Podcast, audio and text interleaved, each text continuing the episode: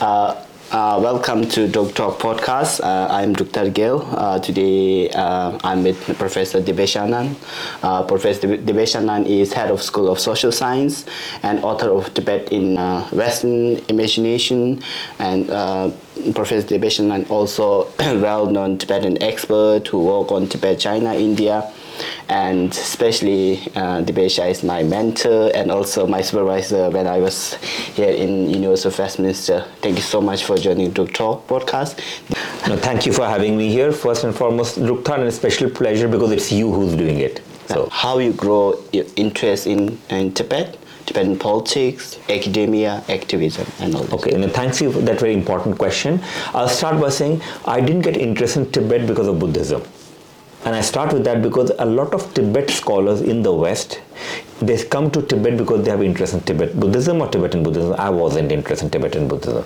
My interest was very much political. So this is 25 years plus. I'm, you know, I'm quite old, right? So when I was doing a master's, that's 1997, seven years in Tibet came out, Kundun came out, and I was here in England doing my master's. And I noticed how there was so much of interest amongst general public about Tibet how Tibetans have suffered in the hand of China.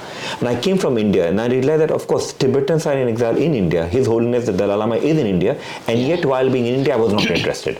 So it came from my own disquiet with myself that how come I didn't know of this political subject. I'm a very political person, by the way, right? Yeah. And uh, here in the West, there was that interest. So I started thinking that I did my PhD on Western imagination of Tibet.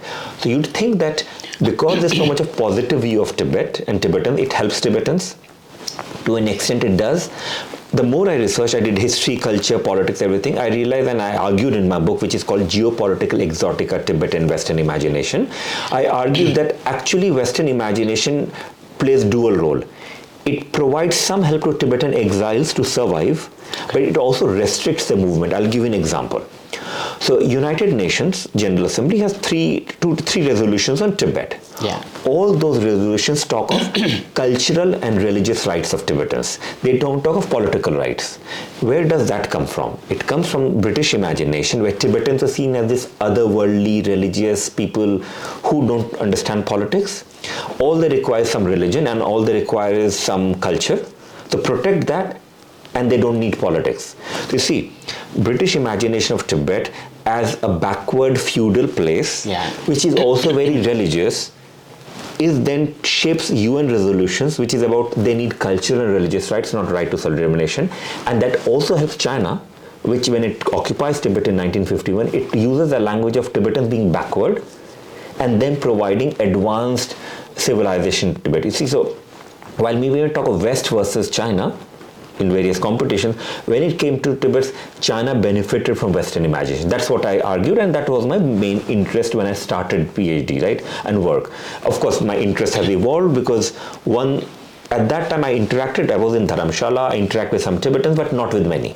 Okay. To be frank, I was very much of an academic working on Tibet and Western imagination. It's only after 2008 when we had large-scale massive protests in Tibet and media started approaching me when I started engaging more with Tibetan community, but still in, in Dharamshala. But essential, I'll end my long answer. 2011, when Karmapa scandal came, there was a whole completely false and manufactured story in Indian media about Karmapa being a Chinese spy. And I read it, and anyone who's a Tibet scholar would see that how, sorry, but how bad that story is. It's a false story.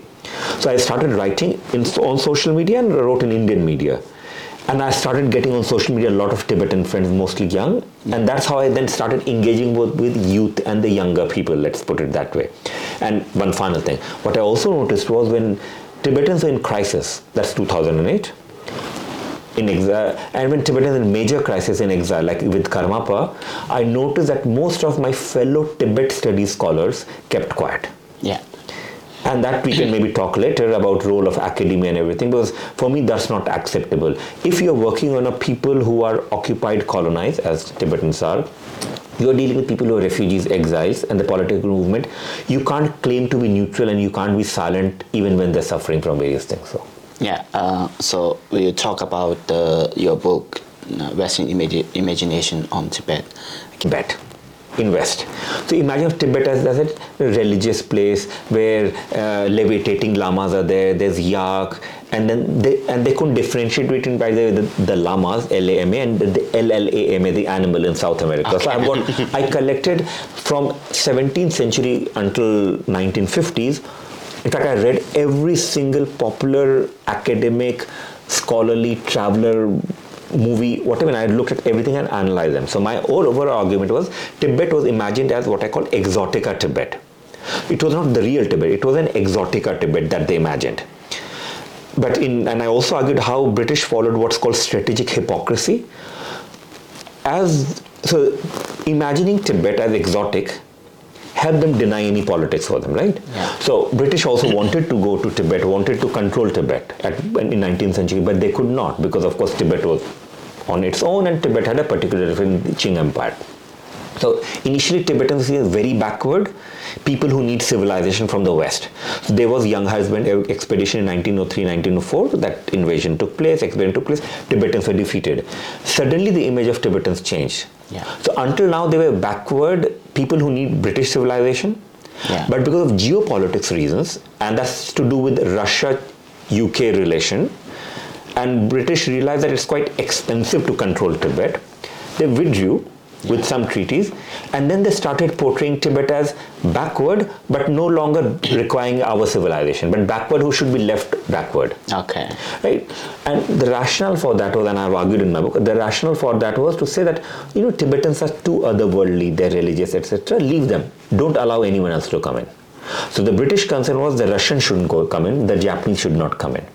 So the British geopolitical interest, you see, shapes the imagination of Tibet as not only exotic but and backward, but now as someone who doesn't require modernity. Now the realities I looked at that in my book. So imagine Tibet. So to summarize, China claims sovereignty over Tibet, absolute control. the language of sovereignty is not a Chinese vocabulary; it comes from West, European concept of sovereignty, Yeah. which is absolute control. It was the British who started using, using word suzerainty, paramountcy, sovereignty, and they would switch. Yeah. But then Chinese took control and made it about sovereignty. That's what I argued in my book. But the second part of my book was also looking at uh, the Tibetan identity in exile. Okay. How Tibetans insist that they're peaceful, they're non-violent, and of course it comes from His, His Holiness the Dalai Lama. But we all know that Tibetan struggle has not only been peaceful; it has also been non-peaceful. You know, the uprising from 1956 to 1960s. The image of Tibetans as peaceful forces Tibetans and restricts how they can resist China. So the Tibetan fighters who fought China, who died, their history is often erased because they are not peaceful. Yeah. So the, what I argued was Tibetans are in on back foot in exile. They're forced to respond to Western imagination and shape their movement according to that. Now that's what Tibetans might do. That's fine, but they are under restriction. So to summarize, what I then argued was that, and I analyzed Dharamshala as a little last, and India also that overall argued that overall Western ideas and Western practices have not been friendly to Tibet, but they have benefited China and essentially provided that uh, dual tool to Tibet, which could be used sometimes for the movement, but also restrict the movement. Challenges uh, to work on on Tibet uh, maybe it's like like different factors.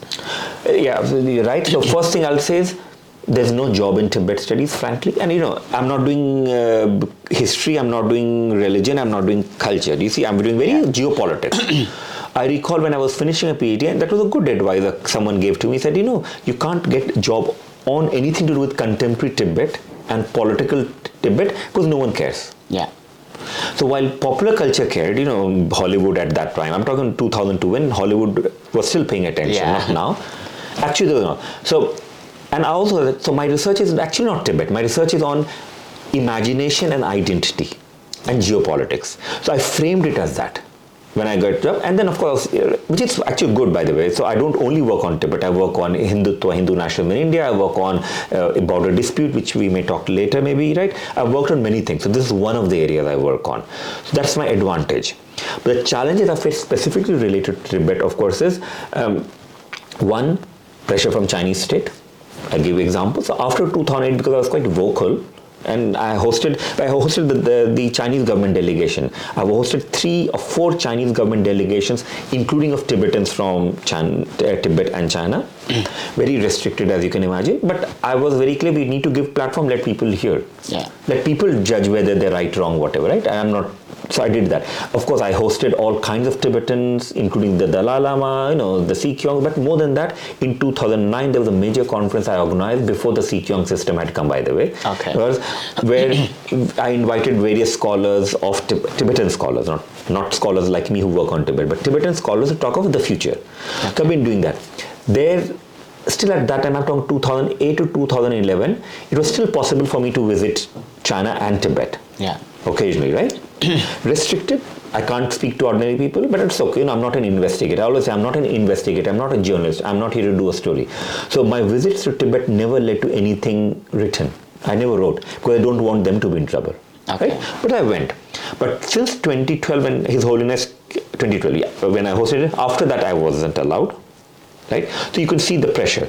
But in this very place where you're sitting and where I'm sitting, I had a Chinese, so I would often Chinese embassy officials talk to me about Tibet. I'll talk to them nicely. I no, have no problem talking to anyone because I'm not demonizing them. I was very clear that if you claim that you are liberating Tibet, helping Tibet, then you have to understand different views. Was my approach.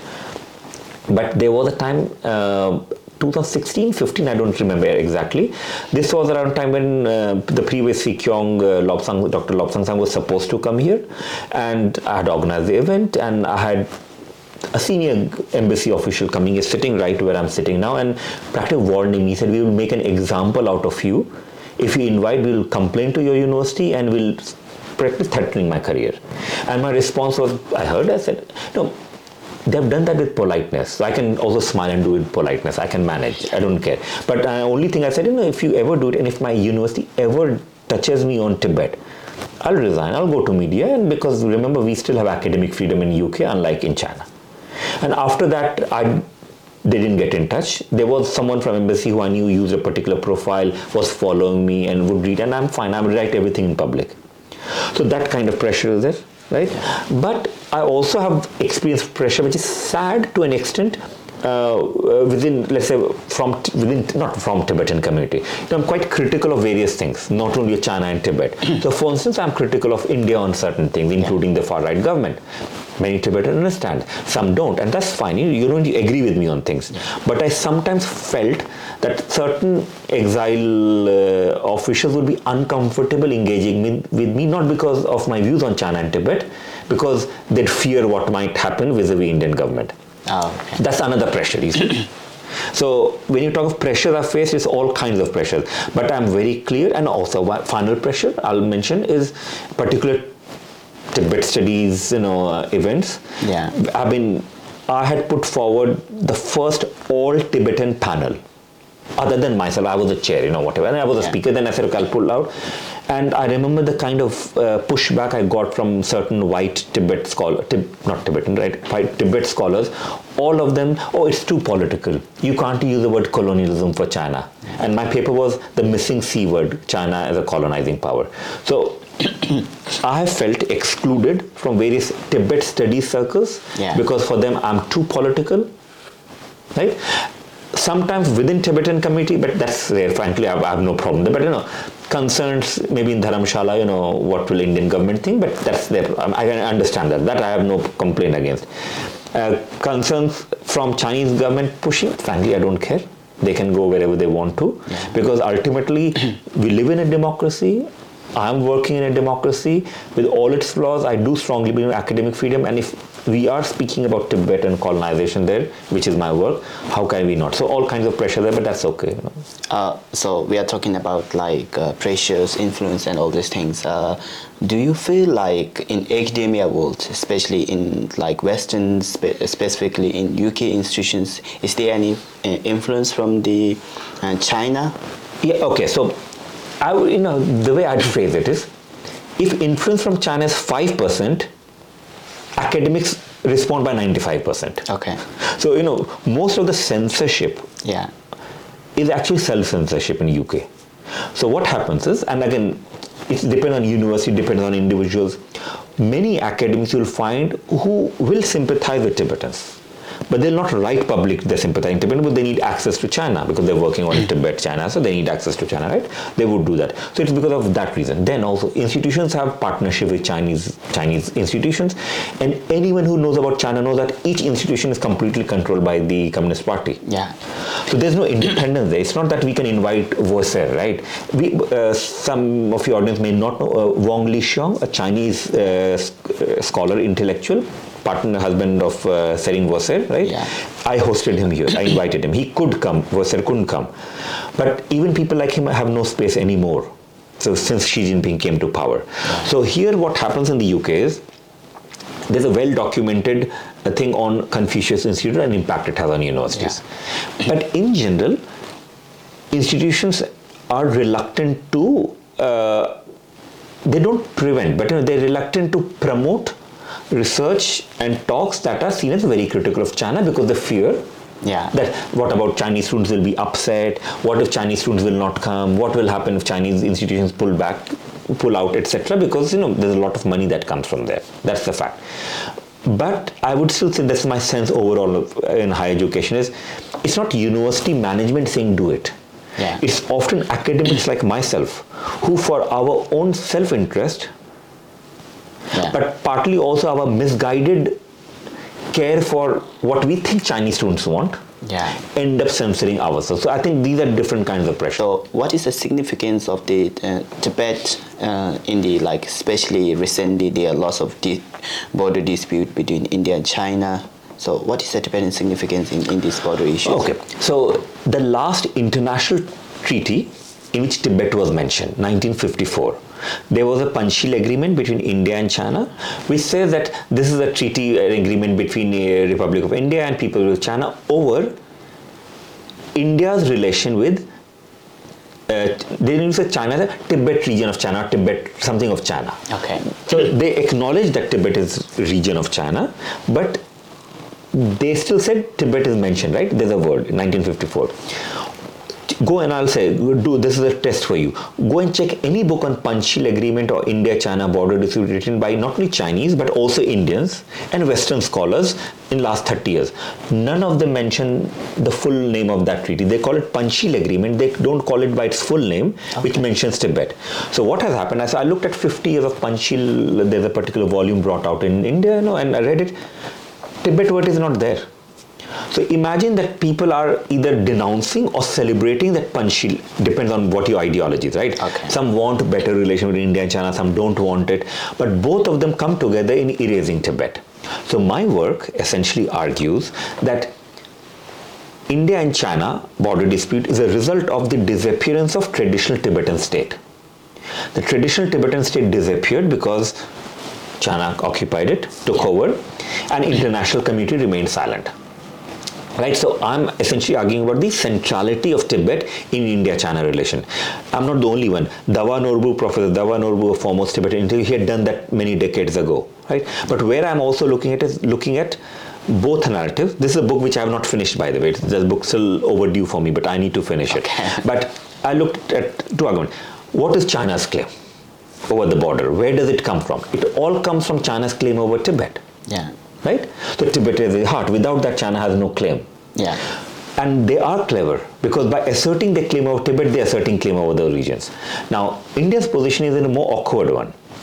They accept that Tibet is part of China, that history, but they also argue that the Shimla Agreement signed, and particular secret treaty signed between Tibet government and British government Yeah. 19. is some- 1914 is somehow legitimate. Yeah. But for that to be legitimate, you have to acknowledge that Tibet was independent. Right? Then to acknowledge Tibet was independent, it is no longer independent, you have to acknowledge that how did it lose independence? You see, so India's position is where India did benefit from taking some land from traditional Tibet, that includes Tawang, by the way. Tawang did not belong to India, that's very clear. Tawang never belonged to China. Tawang had a particular relation with central, no, with their Tibetan government, central uh, traditional Tibetan state. Yeah. So that's the history. In present, what I argue is the reason it's significant is because the treaty, the only treaty that marked the boundary was between secret treaty Yeah. between a state that does not exist anymore, Tibet, Yeah. and another state that was decolonized, British India, now India. Yeah. That's, so this complicated history, but today also, if you look at it, I mean, frankly, neither China nor India care about Tibet and Himalayan people. I mean, that's my argument, right? Okay. Uh, India might be better because they're not oppressing them the way China does, but they're doing it for their benefit. They're not doing it because they actually care about Tibetan people. That's my argument. I know I differ a lot from many Tibetans themselves who are very grateful to India. I would differ even from His Holiness the Dalai Lama on this, where he would thank India for hospitality, and that's fine. I understand that. But as a scholar of international relations, I also see how, when it comes to border dispute, Tibetans Special Frontier Force, what was established in 22, this is essentially Tibetans working in Indian military. Yeah. But 8 to 10,000 Tibetans work in Indian army and they're not even recognized properly. And even when they're recognized, they're given medals in by hiding. Yeah. It's very odd and sad story where Tibetans have been playing so much role in protecting India from China, and yet it's not openly acknowledged. It's not even acknowledged by most scholars, by the way. Yeah. Because I speak to Indian scholars, some of them are fine, but most of them would say, yeah, yeah but we gave hospitality to uh, Tibetans. They are grateful, they should remain grateful. And one I remember one particular important report produced by an important organization, I'll not, not name them, right? But uh, I read it and they use the language China's Tibet. And I thought, why use China's Tibet? That's a language China Chinese government uses. You know, but it belongs to China, isn't it? So come back and end with this is that Chinese public diplomacy is has been very successful in influencing viewpoints elsewhere, India, UK, everywhere, Okay. where British uh, officials, Indian officials, they'll start talking, oh, Tibet is sensitive matter for China, we should be careful. Why not the Tibet is sensitive matter for Tibetans? Why ignore them? You know, so that's I know I give a very long-winded answer, but that's the work I've done. There's one article that I wrote that came out uh, on challenging or questioning some of the Indian claim over that region. Another piece I wrote, uh, uh, yeah, I did. Uh, bring a special issue of a journal on China India border dispute. My interest is very that look, let's recognize centrality of Tibet, even if the countries want to give up on Tibet, right? Yeah. That's the job. At least as scholars, we should not be complicit with it. We should be examining it and challenging it. What do you think about the Tibetan government exile in the future, like next 30, 40 years? One, I mean, uh, so let me give a positive picture first, right? Which I don't believe in, but let's suppose. Oh, I, I, hope it is there, but I don't think that's likely. Positive picture is uh, Tibetans, India is a democracy. Tibetans have lived there. Indians recognize that Tibetans not only provide them security on the border through the military part of you know people who fight for India, but they also provide uh, long-term security because Tibetan Hima- sorry Himalayan people are Tibetan Buddhists, etc. Right? That's a positive one. And let's say in 20, 30 years time, even if let's say if there's no resolution on Tibet, Tibetans are there and they can make India their home. That's a very positive picture. But the problem with that positive picture, there are few. One, as Tibetans, you do know you have no rights in India. There's no India did not sign to Geneva Convention, so you have no rights as a refugee. So you can't go to the court to claim rights as a refugee. Now you can go to the court to claim rights as a citizen if you fulfill certain condition. That's what happened in the past. But you can't claim rights as a refugee, right? You're gone. So either you give up on refugeehood and become citizen, or you are very precarious, very vulnerable. That's one. The second, look at uh, that's my analysis. Okay. It might not be true. Is government in exile is government in exile. What's the name of the government in exile in English now? Central Tibetan Administration. Yeah. They don't call it government in exile. And again, I'm sure Sikyong, I mean, what's the translation of Sikyong? Is it political leader or Yeah, political leader, yeah. yeah? But political leader, you remember it used to be prime minister government in exile. Yeah, we do have like So you see, the government in exile has disappeared. Now, while in Tibetan you might not have changed, in English, which is the language which Indians will understand, the government in exile is anyway no longer a government; it is a central Tibetan administration. The uh, the leader is no longer prime minister or whatever in in exile or government is a leader. See, you may think that's a that in my analysis that's not a change that comes from strength that change comes from that we don't want to be seen as government in exile because indian people or some might, might not like because in china pressure how can you allow government in exile? That's second factor. Third uh, the recent uh, sad episode around the dalai lama is very clear. When and same with karmapa in 2011 uh, a video clip, a doc, well, uh, let's say a very selective video clip comes on social media, Uh, the first news that comes out is NDTV, which is an Indian channel, and they put forward that news. They don't, don't interview any Tibetan person. They don't ask any view from any Tibetan, and they just and they cite couple of uh, Twitter handles that are already disappeared. So very dodgy kind of things, right? Yeah. Fine. I said in the West you have maybe media can't find Tibetan person. Maybe I'm just saying they can, but they can't. In India, you have got Tibetans everywhere. Yeah. Why not reach out? Why not ask them for their view? That do you think this is right, wrong? You could still let's say question, but also ask. Right. So if you look at that, and that's just an example.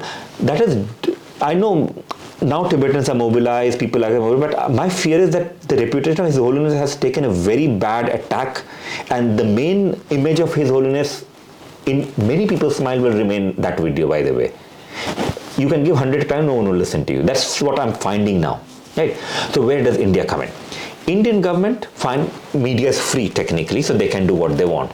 Indian media was irresponsible, and they still haven't corrected any of the story. Yeah. right?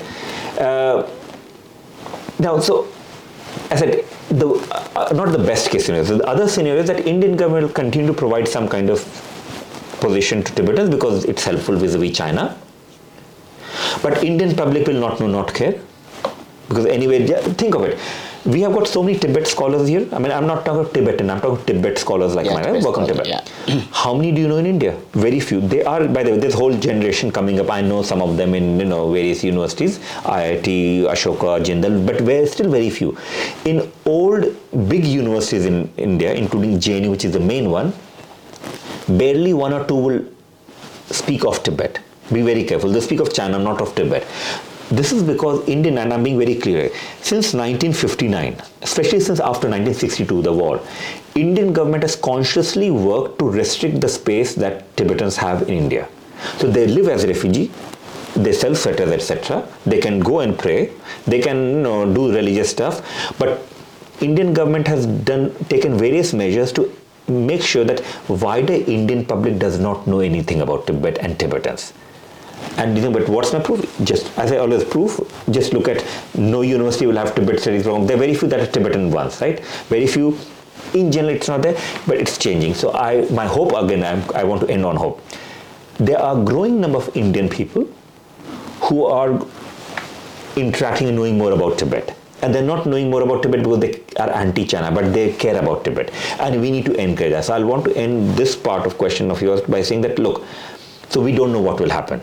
All I would say is quite precarious, it's quite vulnerable. So don't take for granted that India will be home. So work harder, and Indians have to work even harder to make sure that there's a strong root for Tibetans in India so that if at any point there's a government that wants to sell Tibetan cause because they want some border resolution with China, they're unable to do it. So I think still jury is open. It's open what will happen, but we can't take don't take for granted. Okay, that's a don't take for granted that India will always be home. Yeah. So this is an article that came out in Central Asian Survey. It's called Colonization Chinese Characteristics. Uh, that's a politics of security in uh, Xinjiang and Tibet, right? Now, what I understand is like I've been working on Tibet for many years. That's there. I've worked on Tibet vis-a-vis West, Tibet vis-a-vis China, and there's a book which is overdue again on China's public diplomacy on Tibet, by the way. And I've got all this file that's connected to Chinese propaganda. I have to analyze it. I don't have time, but I'll do it. But on it is. But there's something which I found was that how to understand China in Tibet. The more I thought about it, it's a colonial power. Now I'm a student of history originally, and you know, coming from India, India being colonized by Britain, so I have a sense of what colonization is, right? And I'm, also part of various academic movements to decolonize. But what I found was that while China is a colonial power, no one argues that China is a colonial power most Tibetans talk of China occupation. They or sometimes they say military occupation. They don't use the word colonial occupation, right? But I understand Tibetan movement is there, but scholars also don't talk Chinese colonial occupation. So I started thinking. So in 2012, I think I wrote an article, what was called in rethinking Marxism, because see.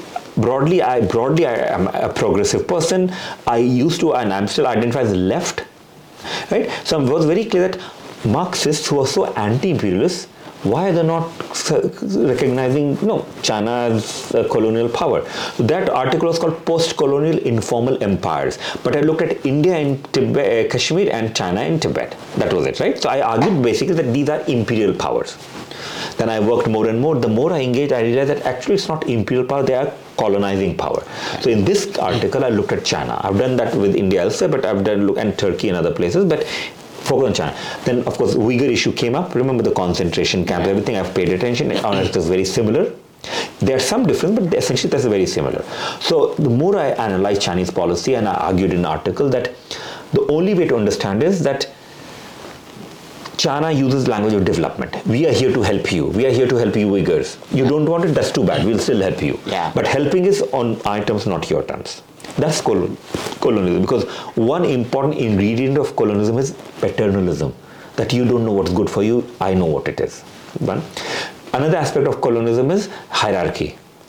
We are never equal. I'm always the elder brother, you are the younger brother. Yeah. See, the Chinese one. Third, military occupation, militarizing violence. We know it. That's very much there. So, which people know? So, all the human rights, oh, sorry, all the human rights organizations they focus on the violence part Yeah. and the rights general part. so, I look at it, but for me, that's obvious.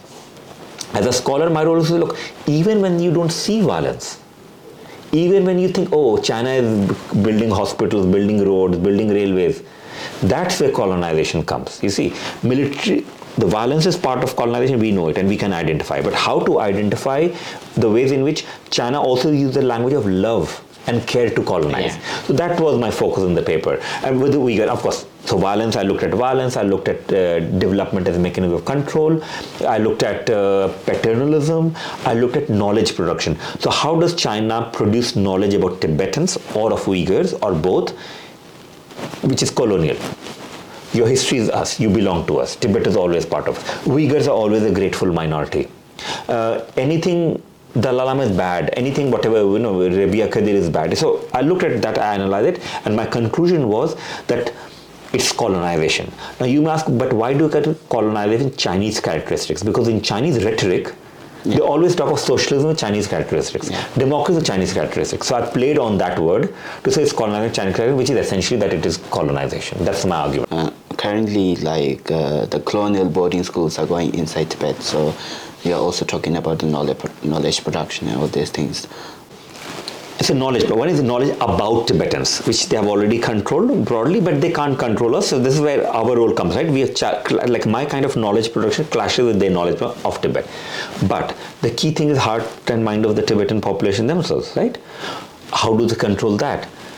You need to start from when someone's a baby. That's how you control the mind. You try to. You may not control, but you try to control. So the idea of the boarding schools, you may think, but boarding schools fun. I was in boarding school by the way in India, right? But so you think, but what's wrong with boarding school? But the Canadian example is a good example where boarding schools for indigenous people, for Native Americans, was not simple boarding school where privileged people send their children to get education. Yeah. They were semi, if not completely compulsory boarding schools where your culture was transformed, your mind was changed to make you more modern. Right? We, and, and I say Canadian example because what China is doing is not unique. Countries have done it. Yeah. But this does not make it less worse. Because there's a growing awareness that what China, what Canada, Canada did with native, you know, with the native, uh, not native, native Canadians, you know, for, uh, for, for indigenous people was oppressive, unacceptable, and completely wrong, right? There's a recognition. So once we know that, why not rec- look at what's happening in Tibet and recognize it?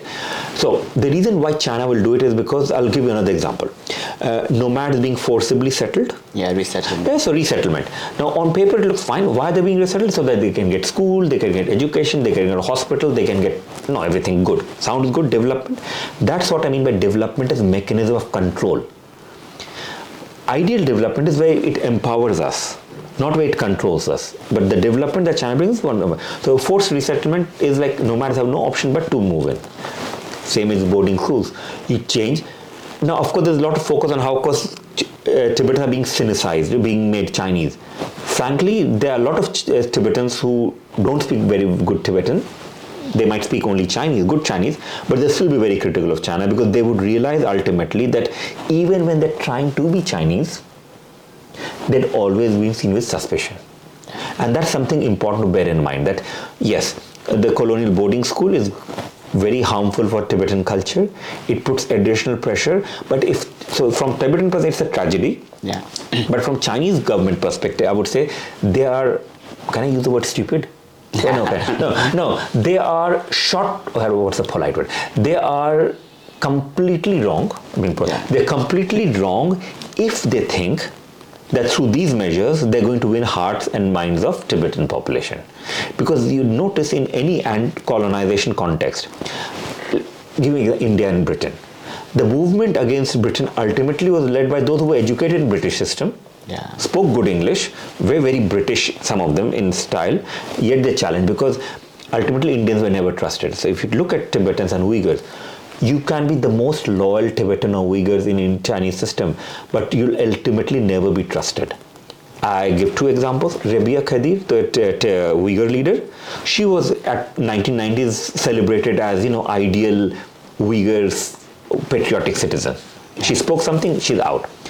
I and a decade ago when I was in Tibet, I wanted access to some travel somewhere, you know, go outside Lhasa to some place, and my Chinese official there's no friend, but the Chinese official who was the key person, their contact, he said, oh, you, and he, he understood I wanted to. He said, okay, that's fine. So, so, he said, did you ask for permission? Because he said, ask senior people, then okay. only you'll get permission. Yes, I said, ask those two people. He said, but they're Tibetan, they have no power. Now, the senior most people, they were Tibetans, by the way. Yeah. But he was very clear that they have no power. Ask this Chinese person who's lower down. Yeah. See, what I mean is, ultimately coming back to is there yes there's tragedy all of that but as a long-term scholar of geopolitics colonization for me the key factor here ultimately is that China will never trust Tibetans because they know within that the occupation of Tibet is not only colonial but also illegitimate. So that's where my hope is. Okay, so again, I want to thank you, thank you, and thank you the uh, the person recording also. Thank you all for doing this. It's important that we need to have these conversations, right? But we need to have conversations for Tibetans but also beyond Tibetans. Yeah. So I guess the first time you're doing in English is good because then this can also go beyond Tibetans. But that's important. We need conversations. We don't need to agree on everything, by the yeah. way. You don't need to agree on my view on colonization or my view on India or my view on Tibet studies. Doesn't matter. But we need to be open-minded. That's number one. Because and I'll go back to His Holiness. His Holiness was very clear Tibet has to be democracy. Democracy implies conversations and different views. So let's do that. That's one. I do uh, also want to make a point about the importance of recognizing Chinese colonization and different ways in which it operates and how to push back against it. Right. Third, and I'll end with that because ultimately I'm a scholar, Tibet uh, studies scholar. I'll also want to give a message to all my fellow scholars, Tibet studies scholars, that uh, they we would not be here had Tibetans not been here. So if we remain silent when Tibetans are colonized brutally, if he remains silent when the main Tibetan symbol of hope, the Dalai Lama, is attacked or anyone is attacked, if he remains silent because somehow we are not political, I'm sorry, but that's essentially then siding with China, how I would say it. I know it might, might sound hard, but for me, I would appeal to all Tibet scholars that you can't be a Tibet scholar until unless you recognize and accept that Tibetans are facing erasure in the world because of Chinese colonization. And if we can't stop that erasure from happening through our work, at the least we can do is we can at least push back against any stories that come out in our countries, not China, but in our countries where US, UK, France, wherever we push back against any kind of attack on Tibetan population. Because ultimately it has to be our responsibility. So I would want to end with that because I don't think many Tibet studies uh, people see it as that they want to be apolitical. There's no way in which you can be apolitical when people are facing genocide erasure. Thank you. Thank you so much, Dibyesh, mm. joining. Us. Thank you so Thank much. You.